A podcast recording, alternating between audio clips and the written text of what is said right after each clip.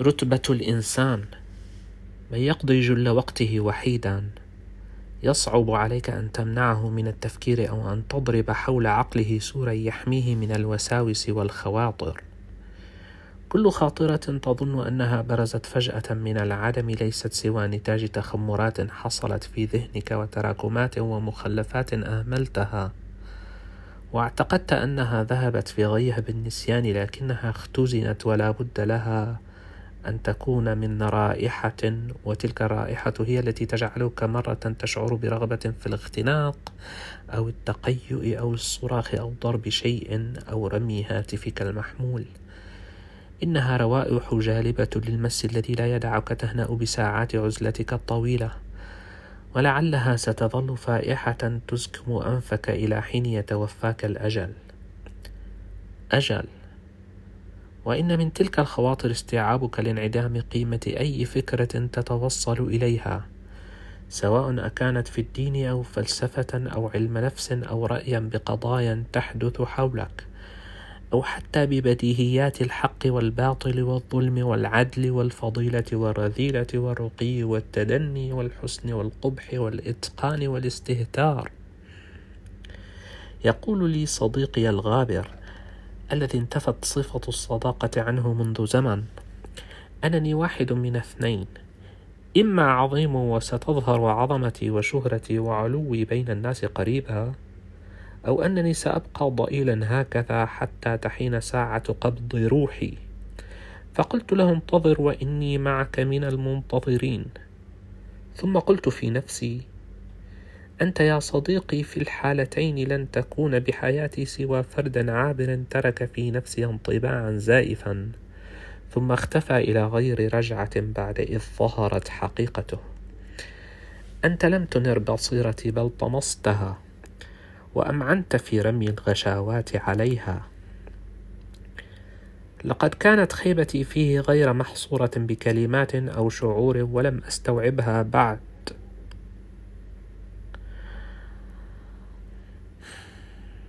ولم أستوعبها بعد سنوات سوى مؤخرة.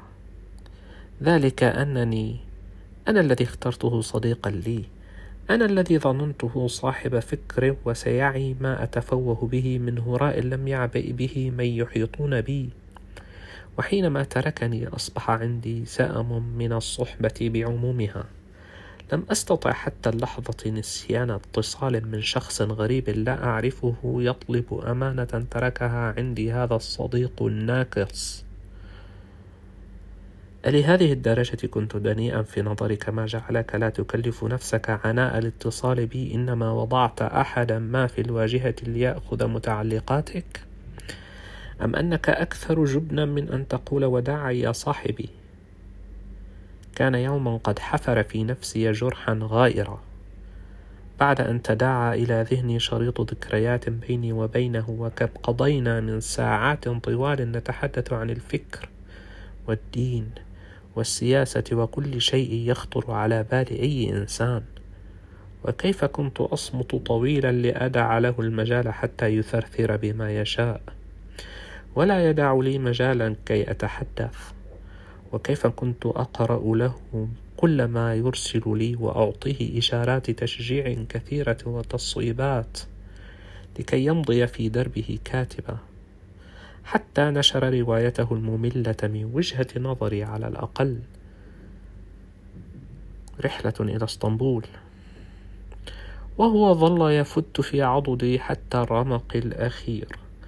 وأنا لا أعبأ كرما للصداقة والمودة التي نشأت بيننا والتي انهدمت إلى غير رجعة. يقول لي صديقي العزيز على قلبي أن عندي مشكلة في الكتابة وأنني أكتب طلاسما لن يقرأها أحد لأنه لن يفهمها أحد. ووصفه لكلامي بالطلاسم قد اعتذر عنه بعد ساعات لأنه رأى أنه تقليل من شأني. ولعله نوع من اللباقة والتصنع ذلك أننا كنا في هذه اللحظة نتصارح حينما قال لي هذا الوصف لصياغتي اللغوية. ما يعني بالنسبة لأنه لا زال عند رأيه.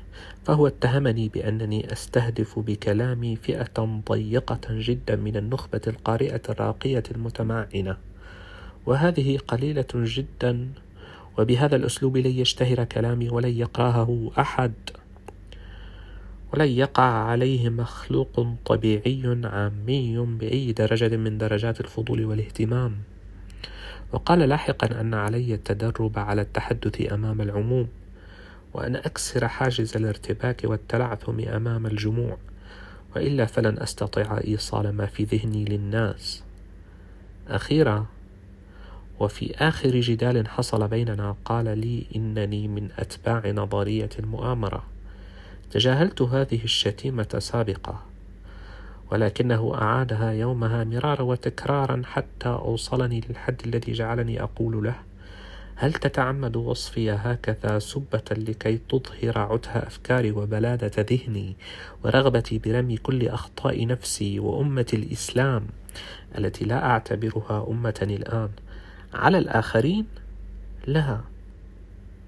أنا حينما أخطئ فإنني أنسب خطئي لنفسي.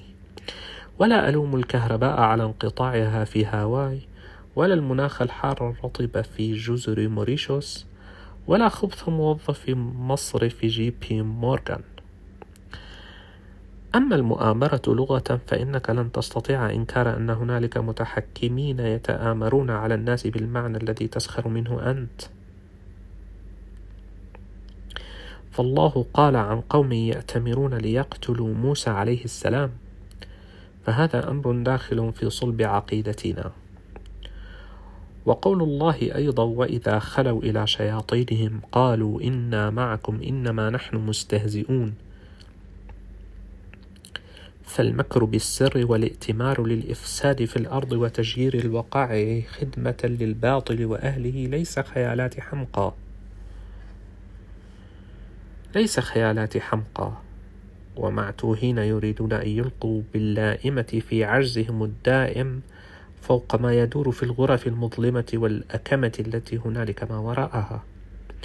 وتوصيفي لفعل الآخرين لا يعني أنني لن أوصف الداء الذي أصبنا به نحن ولا كيفية علاجه بين بعضنا البعض مستغنيا عن لوم الآخرين بما وقع علينا من شؤم. لا تخلو النقاشات من مشادات أو اتهامات بعضها فيه صحة وبعضها فيه تشف صبياني سخيف. وبعضها فيه ظلم وجور. ولذلك فإن ذلك لا ينشئ في قلبي الضغينة على من يتهمني بهذه الاتهامات ويحتقر الفكر الذي عملت عليه سنوات. والمقاربات الدقيقة التي أجبرت نفسي على إنشائها لبنة لبنة. ولكن المرء تقع في قلبه حرقة عجزه عن إقناع أقرب المقربين له بصواب فكره. إنني لم أستطع بعد الوصول لهذا الشأو من الرضا عن حالي هذا. وفي ذات الوقت لا أستطيع نعته أنه محض سخط أو محض رضا إنما هو كدر وشرود فأنا راض بقضاء الله وساخط على نفسي وعجزها. ولكنني في الحقيقة عاجز ولم أجد السبيل بعد للتقوي على هذا العجز وتجاوزه لما أصبو إليه.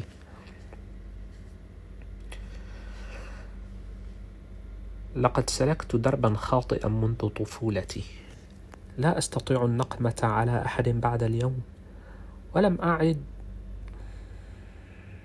ولم أعد أجد مبررا لإلقاء اللوم على الأقدار التي أوصلتني إلى هذا الدرب المسدود.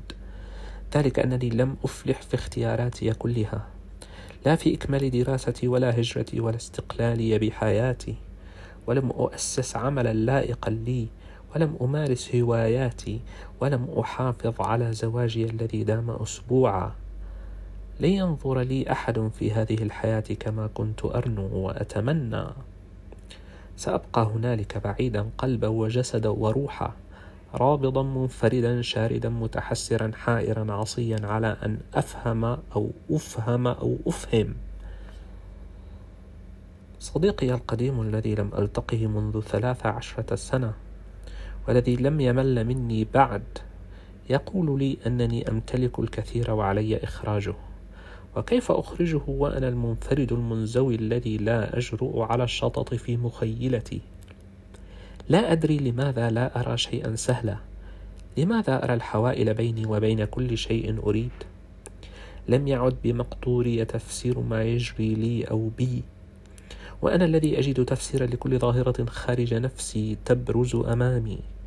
لعله السأم الذي أبرزت غيضا من فيضه في مدونتي السابقة. لعله اليقين بأنني لن أنجز شيئا مهما حاولت ولن أقنع أحدا برشاد فكري وسداد رأيي. أتت... أتردد في نشر ما أكتبه الآن غير أنني مطمئن أن أحدا ليقرأه في حياتي أو بعد مماتي. وسيندثر كما اندثرت قبله أطنان من المشاعر المختزنة في قلوب سقيمة مماثلة لقلبي لعله من المحزن أنني بعد كل تلك السنوات من صقل المهارات في صياغة العبارات أن يكون مصيري الإهمال حتى من أقرب الناس إلى قلبي إلى متى سأظل وحيدا هكذا؟ لم يعد عندي من أحد أشكو له ما أنا به. حتى أقرب الأقرباء لم يعودوا منصتين لي فقد كفاهم ما هم به من هموم. حسبي ربي. الكل يخاف الموت. لأنهم غير قادرين على استيعاب أن الذي أوجد هذا الكون قادر على إيجاد كون آخر. لأنهم لم يستوعبوا يوما الفرق بين الجوهر والمظهر وأن أرواحهم لن تموت. إنما ذلك الدثار الذي يحتضنها والذي يسمونه جسد. هم أسيروا هذا الجسد ولا يستطيعون بماديتهم المفرطة أن يعوا معنى الروح التي هي كل شيء في هذه الحياة مع أننا لا نراها. هي التي تعطي لوجودنا قيمة ولذواتنا الرتبة التي تستحقها. ومع أن الذي خلقها سبحانه وتعالى لم يقل لنا عن ماهيتها لكن ذلك مرده لسبب وجيه هو أننا لن نستوعبها ولن تسعفنا عقولنا ولا علوم الوجود مجتمعة أن تفسر لنا حقيقتها. نحن بأجسادنا ضعفاء. ومحدودون